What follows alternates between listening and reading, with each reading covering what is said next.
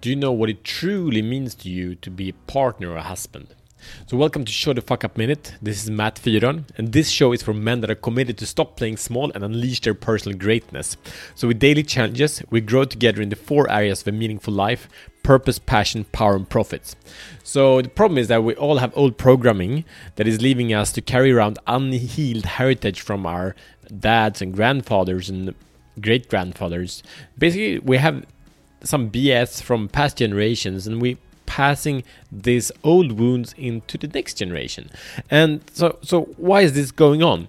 Eh, basically, we don't take the time, we don't get the support to learn from someone, right? So, you know, I, I believe strongly that we are all the answer to our ancestors' prayer. Mainly it means that you know I am who I am, how I'm showing up in life is a prayer from what my, my parents asked for and, and so were they and so were they and that means that you know the thing that oh that what what I'm struggling with, I pray that my kids will not struggle with it, if that makes sense. So, but we gotta figure this out. Gotta get clarity. So the solution is you know to recreate, recreate what it means. Recreate what you know switching, turning the responsibility, the expectations, the projections that create so much suffering and pain. So here's your mission if you choose to accept it.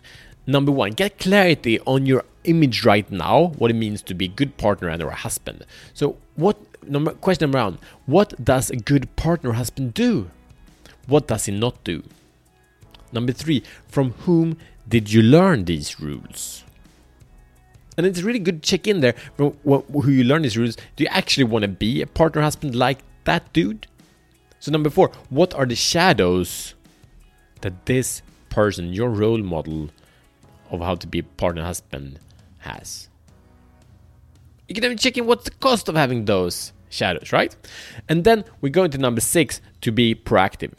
So, for, but first, how are these rules holding you back in life and in your current relationship? To move forward, set a new standard. So, what is your new standard when, when it comes to how do you want to show up as a partner or husband?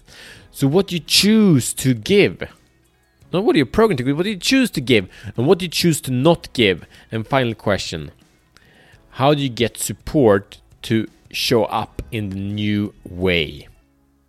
We need to support. Like if you don't have a strategy, but don't have a support in that strategy, support strategy is doomed to fail. And it can be show the fuck up brotherhood. It can be, you know, a mentor. It can be coach. It can be whatever you think. But find someone that supports you in your new standard. Otherwise, you feel will fall back in stressful times, overwhelming times. You will fall back to the old, and you deserve better. So I'm sure you know it's not only you that want to show up in a different way. So I'm sure you know a man is ready to unleash his inner greatness. So share this episode with him, and for sure, make sure to subscribe and rate and review this show. And uh, if you want support from us, join the show, The Fuck Up Brotherhood, and see you tomorrow as better men.